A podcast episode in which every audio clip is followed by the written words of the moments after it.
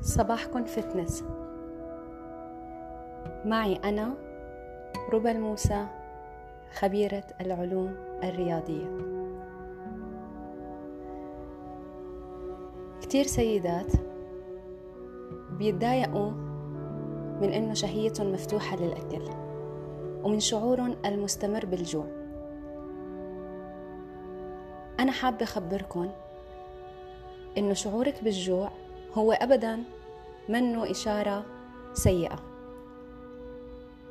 السيء بالموضوع هو كمية أكلك يلي بتاكليها لما تشعري بالجوع.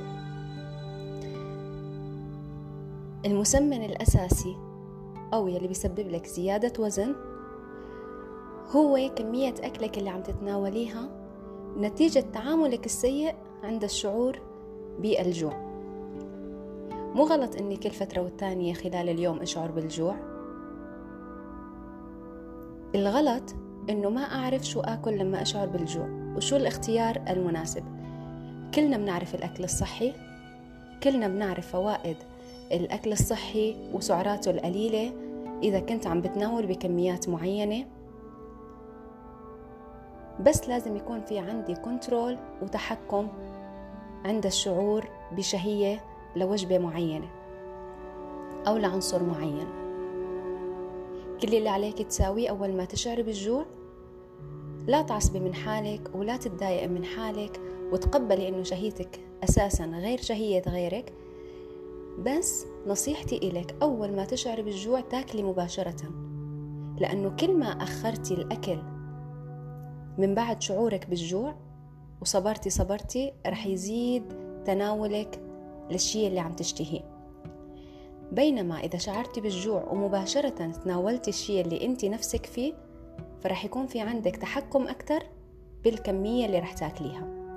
بكل بساطة عرفي المفيد وعادي دلعي حالك بكميته طالما سعراته الحرارية قليلة والفائدة اللي جاي منه كتيرة. وإذا كان سيء أنا مو بصدد هون أعطيكي برنامج غذائي أنا بصدد إنه شخص ما عم يقدر يترك الأكل آه، السيء أو ما بده يترك الأكل السيء بكل بساطة أول ما تشعري إنه بدك تاكلي هالشي السيء كليه مباشرة بس تحكمي بكميته خدي كمية قليلة منه. إذا كان معظم أكلك أكل سيء وجانك فود استخدمي تقليل الكمية لأنه الأكل عنا كالإدمان وبتقليل الكمية بقدر أنا أني أتركه لاحقا. غلط أنك تتركي الشغلات اللي أنت بتحبيها حتى لو كانت سيئة مباشرة. نحن بنتعامل معها بأنه نقللها تدريجيا لنتخلص من إدمانها. اعتمدي أنه تاخدي صحن صغير وتصغري معلقتك وحتى تستبدلي المعلقة الصغيرة بالشوكة. في بعض الوجبات أنا أحيانا باكلها بعود الأسنان. لأنه تصغيرك للمعلقة بيضمن فعلا أنه تصغيرك للصحن ما رح يأثر على حالك أو على جسمك أو على رضاكي تصغيرك للصحن وللمعلقة كمان رح يضمن أنك عم تاخدي نفس اللقمات اللي كنت تاخديها قبل. بهيك بنكون عم نضحك على جسمنا أنه عم باكل نفس الكمية. كلي ببطء حاولي تبعدي عن الجوال لما تكوني عم تاكلي أو عن, عن أي مشتت لحتى تشعري بلذة الأكل اللي قاعدة عم تاكليه أقنعي حالك أنه أوكي أنا رح جدد الصحن لاحقا بس مو مباشرة.